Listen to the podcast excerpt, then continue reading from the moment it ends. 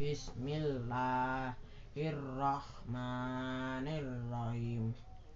والعصر إن الإنسان لفي خسر إلا إلا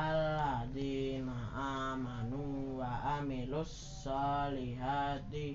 وتواصوا بالحق وتواصوا بالصبر